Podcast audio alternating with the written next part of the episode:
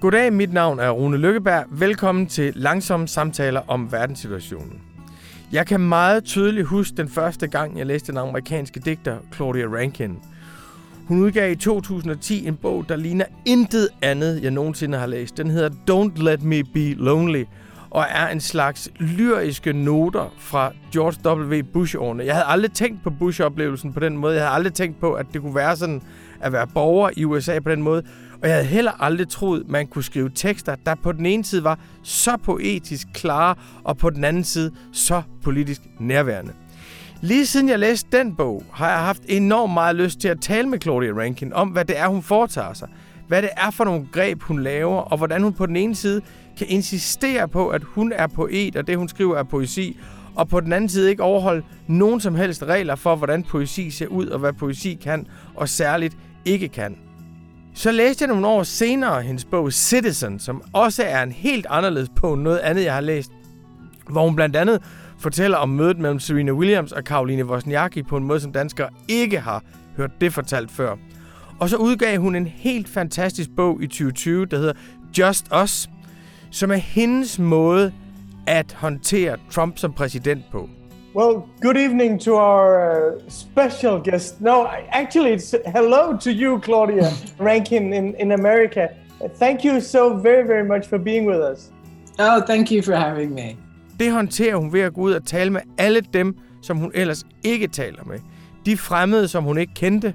Og da hun overvejede, hvad er det egentlig for nogle fremmede, hun ikke kendte, så gik det op for hende, der var særlig en kategori, og det var hvide mænd. Hør her, hvordan hendes møde med de hvide mænd blev til en bog, som alle vi hvide mænd og alle andre kan lære en hel del af.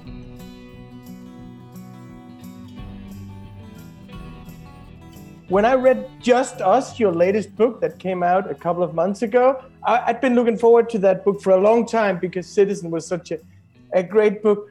I really loved it also because it reminded me of the quality of physical encounters because it came out at a time when we couldn't really meet people in public anymore. And there are so many meetings with strangers in that book and how much they're weaved into a community of different situations and how you bring the experience of meeting a stranger somewhere in an airport and you talk to your husband about it and they, then later you referred to a therapist. And it reminded me of everything that we're deprived of at the moment here in denmark meeting strangers in, in public. So so i was wondering how, how do you feel under this lockdown? How did you experience this well, I, I agree that so much of what delights me in life is the accidental encounter because you never know how it's going to go and and and you know who who the other person will be.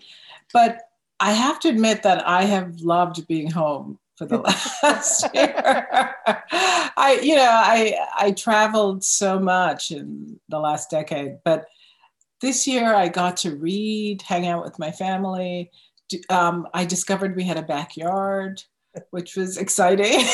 we bought some, you know, furniture for the backyard. People sat back there. So um, I will be happy to. I'm sort of done with the pandemic now, and I'll be happy to return to the world.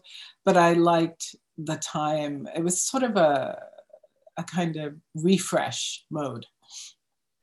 When I've read Citizen, it struck me how rarely I read books that explore the quotidian in the same way, the, the common life, that very often literature you have descriptions of dramatic events in your life, of falling in love or someone dying, but these are everyday encounters where you explore and disclose the drama of it. At, at that point, it reminded me a bit of Marcel Proust, actually, that there's this literary exploring the dramas in your everyday life that you usually don't think about. And it's like you've taken this to a new level in Just Us with a with kind of a program of meeting strangers. Can you tell us how this book came about, the program for the book that you described? Well, I I teach at Yale University, and um, I have a class on whiteness and looking at white supremacy and the ways in which it's institutional and shows up and my students are always um, interviewing each other. You know, I say, go and think about how white supremacy works in your life. And they come back and say i talked to my dad i talked to my mom i interviewed my roommate. And i thought oh i should do that. Hmm. i should start just asking the people around me. And so that's how that started. I, I and because i travel so much i thought the place that i am most often encountering white men in particular is you know in airport um, lounges and on the plane. And so i decided that i would consciously engage if people seemed like they wanted to engage. But there was also a political context uh, of it that you describe in the book that you say it was a con- it was it was a comment in the current political climate at the time that you should engage in conversation with people that you that you normally don't speak to so it's mm-hmm. also a book shaped by the presidency of Donald Trump or or the context of Donald Trump. Yeah, no, that is I I, I you know he's gone from the presidency, so maybe I'm I'm trying to get him out of my head, but but I I that is also true. We were, I think, under Trump. Um, I don't want to say Trump created the the hostility and white supremacy and segregationist policies that exist in the United States, but he amplified them um, by coming out and um, overtly embracing them and embracing um, um white nationalists. And he himself, I think, probably identifies as such. And so, um, politically, we were at a time where people could not speak to each other and there is um, an aggressive canceling mode that's in in place here in the United States. People refuse conversation, they refuse engagement, and that was also something I wanted to sort of push up against in the making of this book. In the the former book, Citizen, it was narrated by the second person singular, the you, and for me, as a white male reading the book, it put me in a lot of situations where, where I'd never been before and forced me to reflect on my liberties that I take for granted. And I realized that maybe that mobility is what they refer to as white privilege. Maybe mm-hmm. that is actually it. So that was very powerful for me reading the book that it was told in the second person. Because, uh, of course, I'm not you, but I, mm-hmm. I, was mm-hmm. taking on the role and the position uh, in the exchanges this book is written by the first person singular, the I. And I know the end of Citizen returns to the I, but mm. why did you choose the first person this time? Well, Citizen, I did a lot of interviews, and so many of those stories belong to other people. So the, it would have been problematic to tell them um, as my story. So already I, I needed a different approach. And then I really wanted people to be able to climb into those prose pieces and determine whether or not they were subject to the abuse or they themselves might um, stand by and watch it happen or in fact be the aggressor. And that decision was up to the reader. So the you became not a pronoun but a space that you mm. enter and then you make that decision for yourself you know? Um, with just us because the book is basically an invitation into a process i thought i should show up for that process. I shouldn't invite you to something that i myself am not engaged in.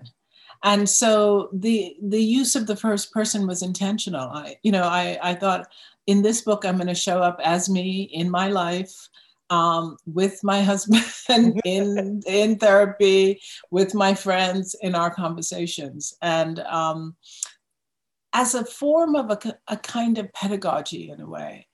The book is not um, meant to instruct, but it's meant to perform something that then hopefully the reader will perform in their own life um, or become self conscious around in their own life.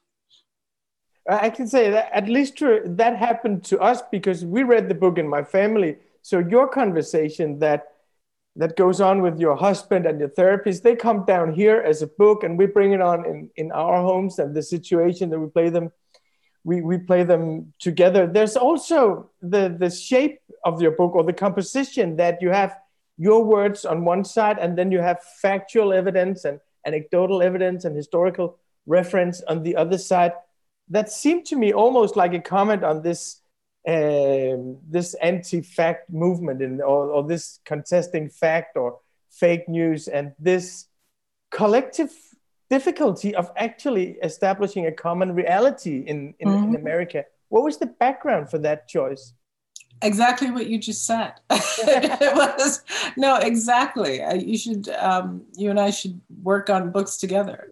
um, the idea was to, you know, we have part of the. Let's put it this way: part of the difficulty in engaging in the States right now is that suddenly we realized that there were certain people, um, let's just say people who watch Fox News, who um, had a different set of facts, a different set of beliefs that weren't based on anything credible, but the fact that they heard it on Fox News, let's say. And um, so we were, people had different um, takes on what was real. And even when you showed tapes, videos, viral evidence, they were like, no, no, no, this is what's really happening. And and and our president was encouraging fake news, in fact, and suppressing actual news. And so I wanted to say no. There, there, there are different kinds of ways of going about acquiring knowledge and supporting what you say. And here are some of them. Sometimes it's um, sociology, sometimes it's historical, sometimes it's anecdotal. But here's, here are some ways where we can step out of the idea that fake news is news. I understand the project and I see it's very needed in the in the climate in the US and actually here as mm-hmm. well. I mm-hmm. think it's brought to light how do we constitute a common reality as mm-hmm. a democratic challenge and we, if we don't have a common reality. We don't have a common conversation. So it's extreme in America, but it's brought to light that it's a, mm-hmm. a problem here. But you must have had some questions to yourself. Where's the limit for that? What kind of fact should I bring in? What, what can actually be evidenced by fact? And sometimes you use evidence that is more anecdotal or just uh, references. What, what were your re- reflections on the limits of, of the fact part of your book? Well, I the it might be helpful to know that I wrote the essays after it's perhaps um, let's say you and I had a, a conversation. I then went home and wrote down that conversation. I hired for this book project a therapist. I also hired a fact checker. Um, that's what he does in his life, and um, mostly for um, legal things. And um, so I wrote uh, my version of our conversation. I went to the therapist and I read it to her. And we discussed why I might have said what I said and why I think the person might have said what they said. And that would have informed a revision of the essay. And then once I had that, I then gave it to the fact checker. So many of the directions that the the um, recto verso page goes on in terms of what is being fact checked had to do with things that he questioned that I might have stated. You know, you say that um, white men make up 35% of the population, um, but it's actually 33.2 you know? So those kinds of things um, came back after the fact checking happened. And i also fact checked certain things. Then once i um, did that i i the the pieces were read by a lawyer and also sociologists and they would say well you you know you you quote this sociologist but maybe you should also bring in this other one because they, you know, so they had a kind of um, background information of internal um, conflicts in that. And once all that was done, I would take the essay and give it to you. And I would say to you, Rune, is this a conversation we had as far as you remember? And would you like to write a response? And um, sometimes people said, um, yeah, it's the conversation we had I don't need to write a response. It reflects what happened. Sometimes they said it's the conversation we had, it's what I said, but it's not what I meant. And so then they wrote their own response as to what they meant. And those are in the book because I also said I will publish your response and I won't change it. I'll whatever you send to me is what I'll publish. And so the their responses are at the end of each essay section. And what then I respond to that. You mentioned that it's kind of an instruction, the book, but when you read it, you f- you find out that you are a, a, a teacher and a student as well. That that it's an education of you as well. So I thought it was mm-hmm. very interesting that you you took the assignments of your students onto yourself, and I thought that role play was kind of some symbolic. I'm a student here as well. Mm-hmm. So I'm curious, what did you learn about your own presentation of facts, having them afterwards checked by others? Well, um, I think mostly they're not that far off. You know, I, I mean, I, I, I don't have a photographic memory, but I do stay in the correct ballpark in terms of um, percentages, um, things like that. So, I, I, if I had any anxiety about Alzheimer's, they were put to rest for at least for the moment. Um, and I was very self conscious because I knew that you would, you know, whoever I was in conversation with would get the essay back and and were able to say, no, she just made this up. So I, you know, I was being very conscientious in terms of what I remembered. The thing, though, that was important is I didn't know when I would encounter a conversation that would end up in a book. I literally was just in my life, and I might have gone three weeks and done all kinds of things. And none of those conversations seemed like they needed more investigation.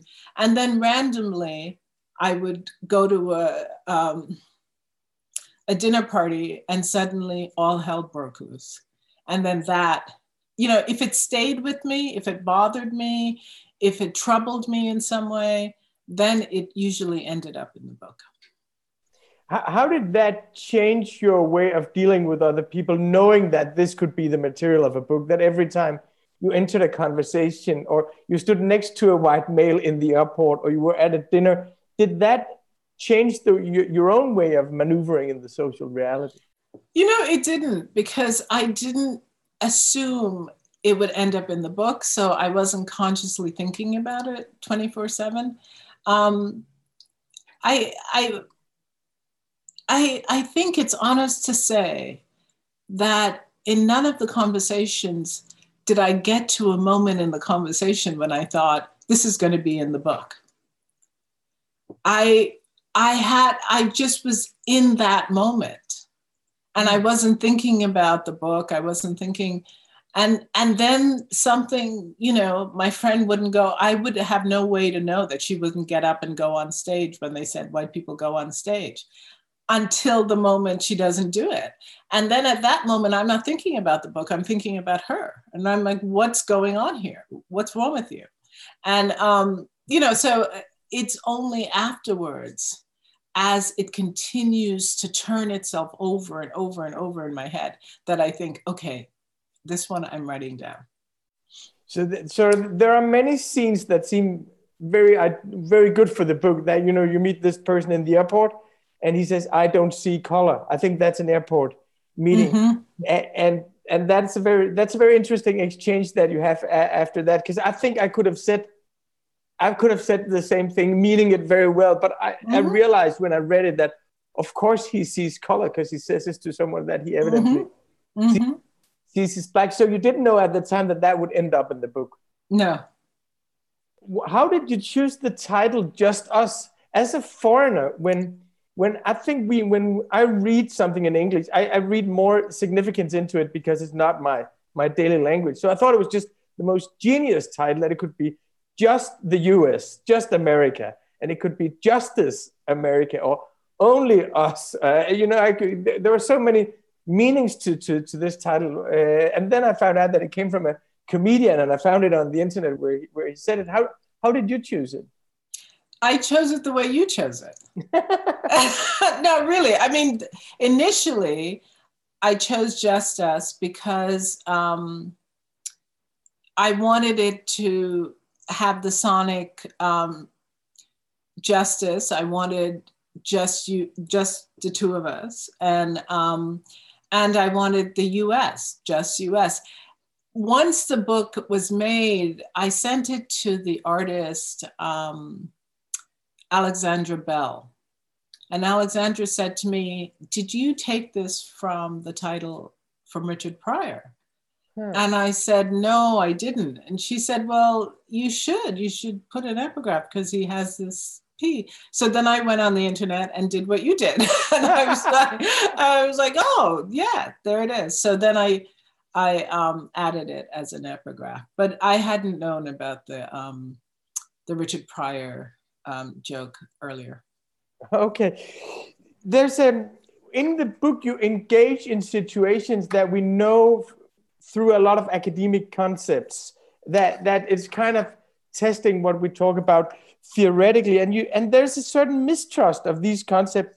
You you write that these phrases white fragility white defensiveness white appropriation have a habit of standing in for the complicated mess of a true conversation i love the complicated mess of a true conversation what, what do you mean by that that these concepts stand in the way for that well, I think, um, you know, Robin DiAngelo, her book, White Fragility, is a book I really admire. And I um, have given it to a lot of people to read.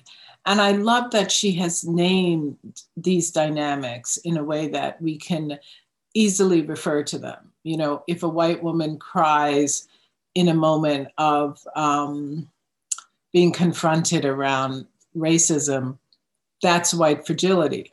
Okay we know that's what it's named so that was that's useful but i think we've gotten to the point in the culture now where people are dismissive because they no longer interested in slow time looking at the thing and understanding the dynamic and understanding you have two human beings there who are trying to negotiate a thing. Instead it's it's it's categorized and put away as that as white fragility as white defensiveness. And we are not spending the time to really understand what's going on. And the best example for me would be um, january 6th you have, you know, the majority of insurrection, you know, uh, domestic terrorists storming the White House, and many of them are white men. And it's true that what they're doing is illegal, what they're doing is wrong and undemocratic. But it's also interesting to me why they're doing it. What is at stake for them?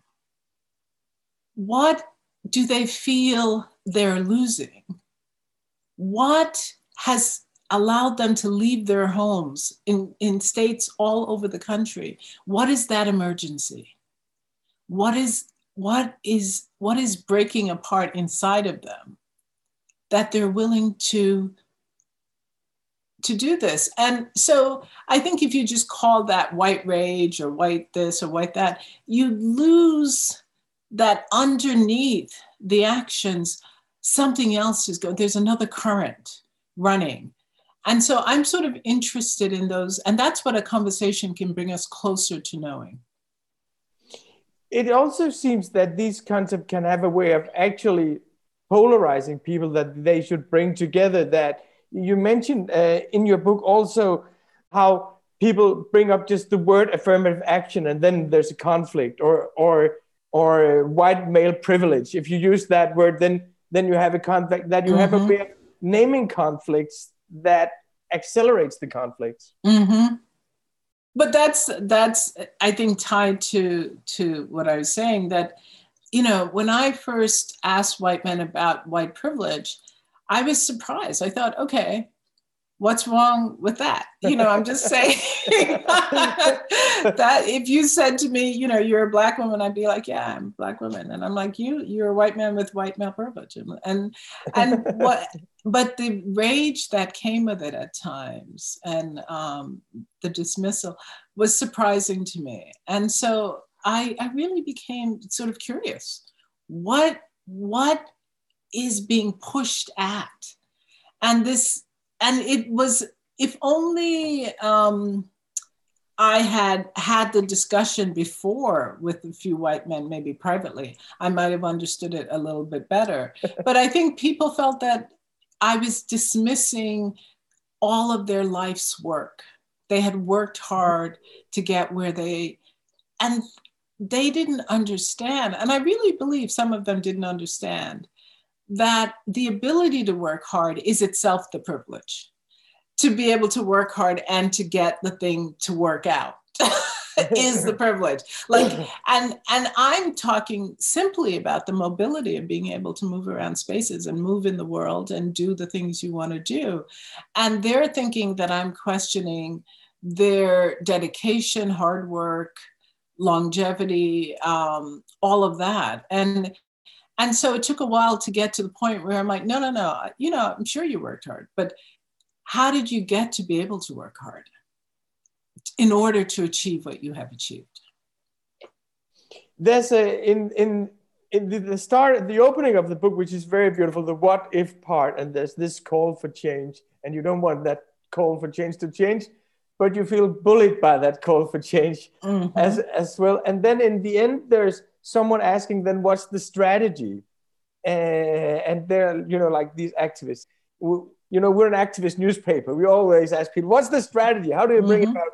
How do you go from theory to action? But it appears to me that there is a very clear strategy in your book, which is like staying in these, in the true mess of conversation, staying in this uh, dialogue of discomfort, and and that maybe these concepts are not helping you in that direction.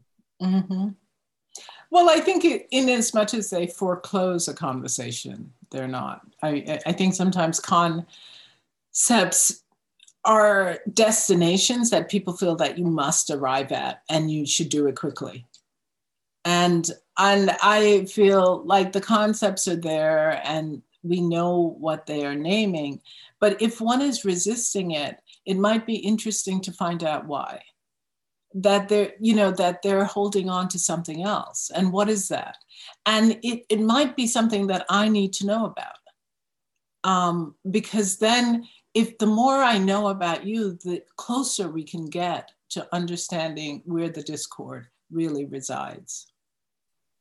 It seems to me that a part of, of what i see as, as maybe not the strategy but the way of proceeding here is building up a common world. Actually, in there, there's this very mm-hmm. beautiful scene where you're saying something about that's the height of male privilege or something like that, and he's laughing, and you share something, but you don't know if it's the same mm-hmm. thing that you're sharing. It's this project of building a common world that includes misunderstanding. Is, is mm-hmm. that a mm-hmm. correct reading? Do you think? Yeah, I think that's exactly right. That um, you know, it's not that we will behave the same way or have the same ideas about what solutions should be um, applied. But we have to get to a point where we can agree on, on some things, on the reality in front of us, and our commitment, you know, in this country, perhaps our commitment to a democratic system. If we could agree on that, then we might be able to agree that we, we do want people to have access to voting, you know, and or we do want them to have access to health care and that that in fact benefits all of us not just some of us and and so it's I think we need to. Um, I, I, like the reference to Proust because I, I do think we need to slow things down and begin to understand that the domestic day to day is relevant, is as relevant as the larger spectacle of um, ideas and the big ideas and the big commitments and the the activism that is towards um, certain things. But we we have to honor that people still are negotiating a day-to-day life. And and what are the the things that they think that we don't know for each other you know whatever that is. I you know everybody it's different. But i um so i agree with you that a common ground some set of uh, common ground and some um commitment to pedagogy actually to to actually doing the work of, of finding out what is true what is real what is relevant. Yeah i think what is so beautiful about the book is that it this is a perspective in every single conversation that you have or it could appear in in every single conversation but of course when you when you have that close reading of your daily encounters and meetings there's also the the risk of it becoming too much that you read a lot into this situation. And there's a I, I think maybe it's in citizen that someone says uh, you shouldn't be too absorbed with the world that that mm-hmm. you, you should read. And and i have that sense at times in just us as well that you're asking yourself well is it just me or is this in the real world how did you experience that risk writing just us that you're reading all sorts of conflict into just concrete everyday situations well the the the exercise of the book is about close reading and you know, I don't really go around in my real life like this, you know, thinking, wait, can you know, can I? I would I would get nothing done, and I would go nowhere. Um, but in in the writing of the essay, I I really wanted to put everything under a microscope because I you know I was I I wanted to know in the times that we're not thinking, what was hmm. driving that engine we were, you know, even when we think we're not thinking, we're responding to certain things. And those might have already been decided a long time ago. So the only way to know if I'm making a decision now or if I'm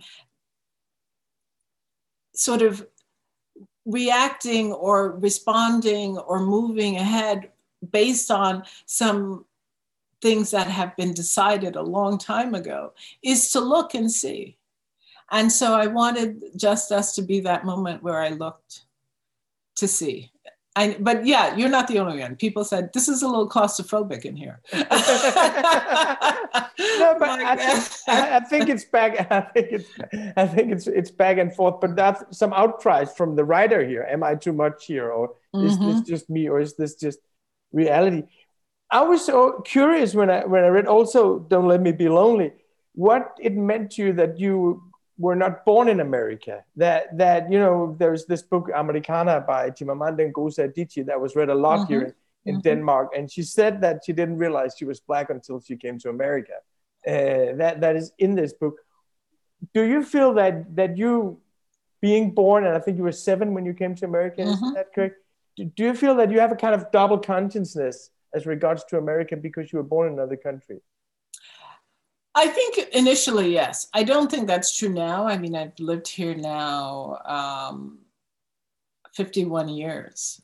So, um, so, and I was educated here and my friends are here. So it's now I don't think I, I split off, but I do think when I was little, my mother, who, you know, she came to this country in her 30s and, um, her view was there was us, her family, and those people out there. And um, and she had moved into a whole new culture. And so she she actually would use the phrase, you know, don't trust white people. And that came not based on experience, but like this is the knowledge I have to impart to you now that we were in this country. Don't trust them. Um, and so I think as a kid in school, I start I I really questioned everything in terms of why why is this happening? Why is she doing that? Um, how do I understand that? And maybe that's just the immigrant way of being in in the adopted country. I don't know, um, but I think a little bit of that has stayed with me, so that I don't take things for granted. I, I even now I think I have a, a two a, a two time rule. Like the first time, I think it's um, idiosyncratic or random, and then the second time you do a thing, I think, oh, this is happening a second time.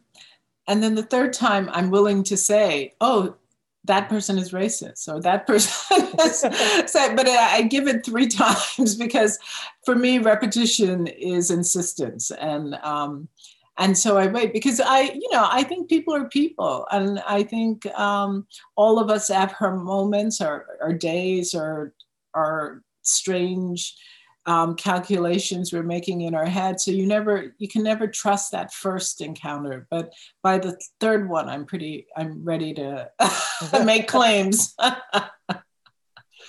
if I jump a little, because we don't have so much time left and there are so many questions I, I, wa- I want to ask you. You had a president who he proudly claimed that he was a nationalist.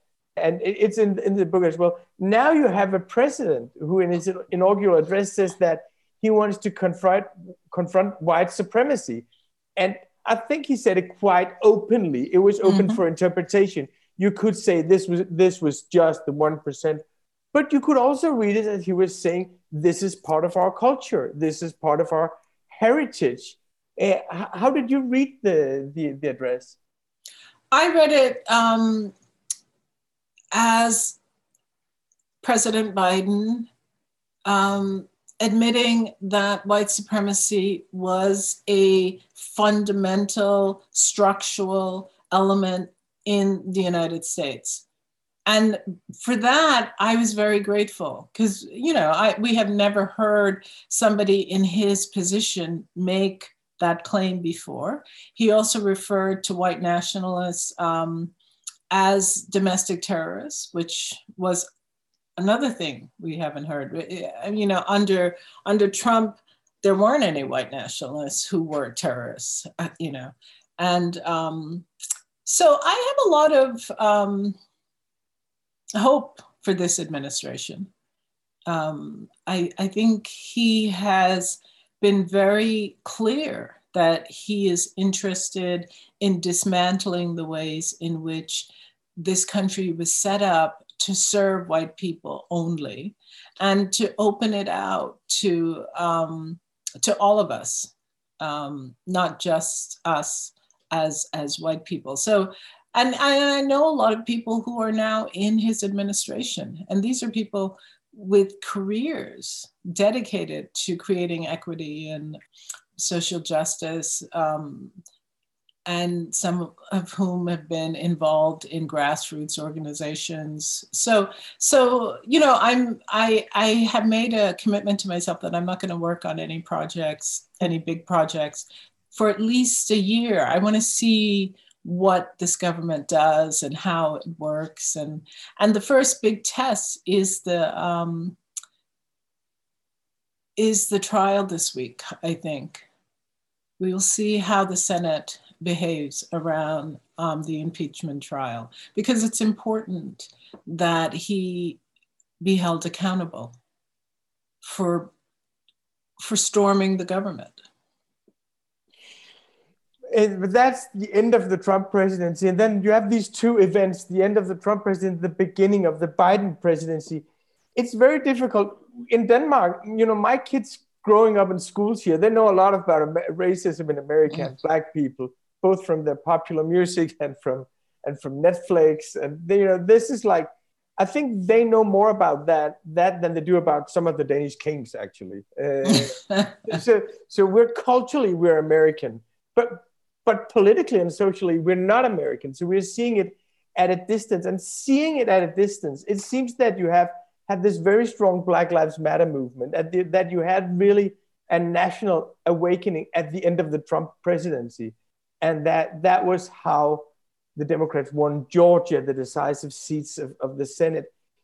And that is kind of a foundation for the Biden presidency. Do you see that as well? There's an anti-racist movement that is a new foundation for the for the Democratic Party and for Joe Biden.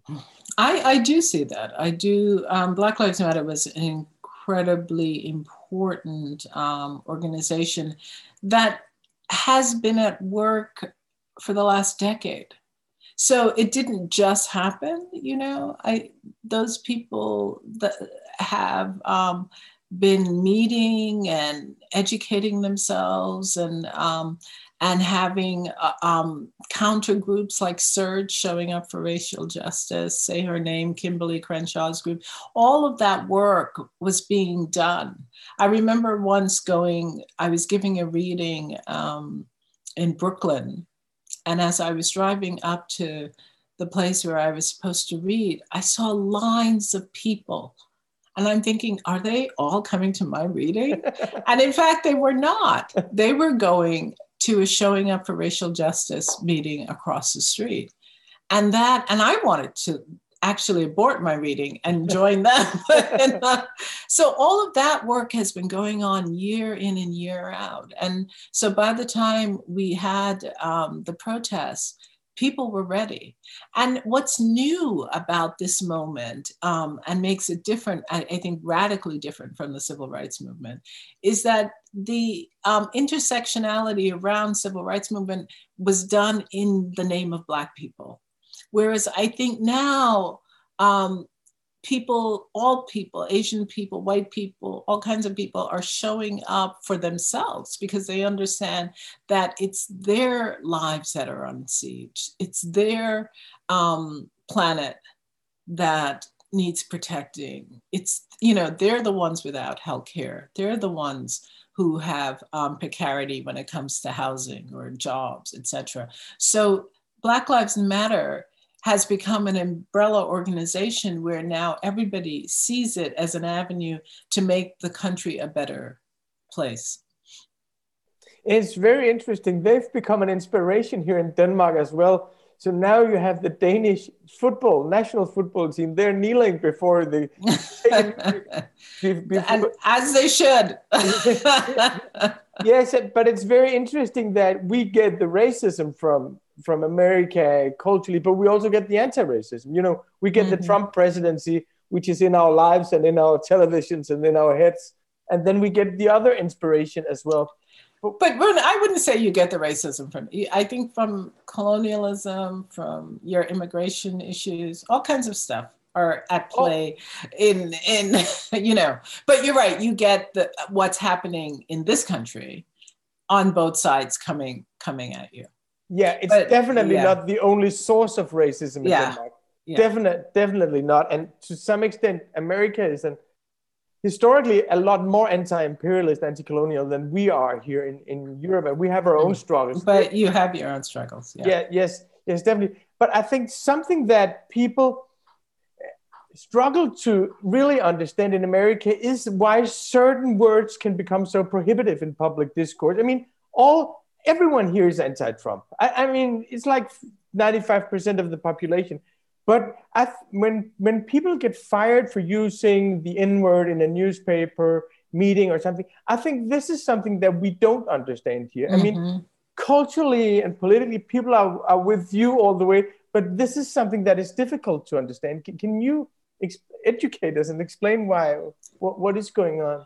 Well, I think people are. Um at a point now where they are trying to sort of um, if i'm trying to come up with a metaphor you know like weed the garden from the roots rather than cut it and then have it grow back. So the removing of monuments for example if you believe that racism and um, Confederate um, soldiers, let's say, are are part of um, an attempt to dehumanize people in the way that um, the Nazis were in Germany. Why would you put statues of those kinds of people up to be admired, to be remembered? So, hence, in the same way you wouldn't put a statue of Adolf Hitler up in the square, you shouldn't put statues of people who were committed to slavery up for people to, to all people, not just black people, but all people to look at and and and to have these people looming over you as people to be admired. So the the move to remove those was in service of naming the history as a devastating attempt to extinguish a population. And certain words are tied to the same thing. So, who uses those words? The N word? Who uses um, the, the master slave words? Who uses those words? The people who are committed to the agendas that will end in my extinction. And so, hence, um, the desire to move the ability to normalize that in regular language out of the way because it's really about how much of, of the um, dehumanization of black people how much anti-blackness has been normalized in america as okay and and that language is you know the use of language is powerful as a normalizing factor. And so to go back and say you know it, a good one would be to think about referring to black people as slaves versus enslaved. Yes.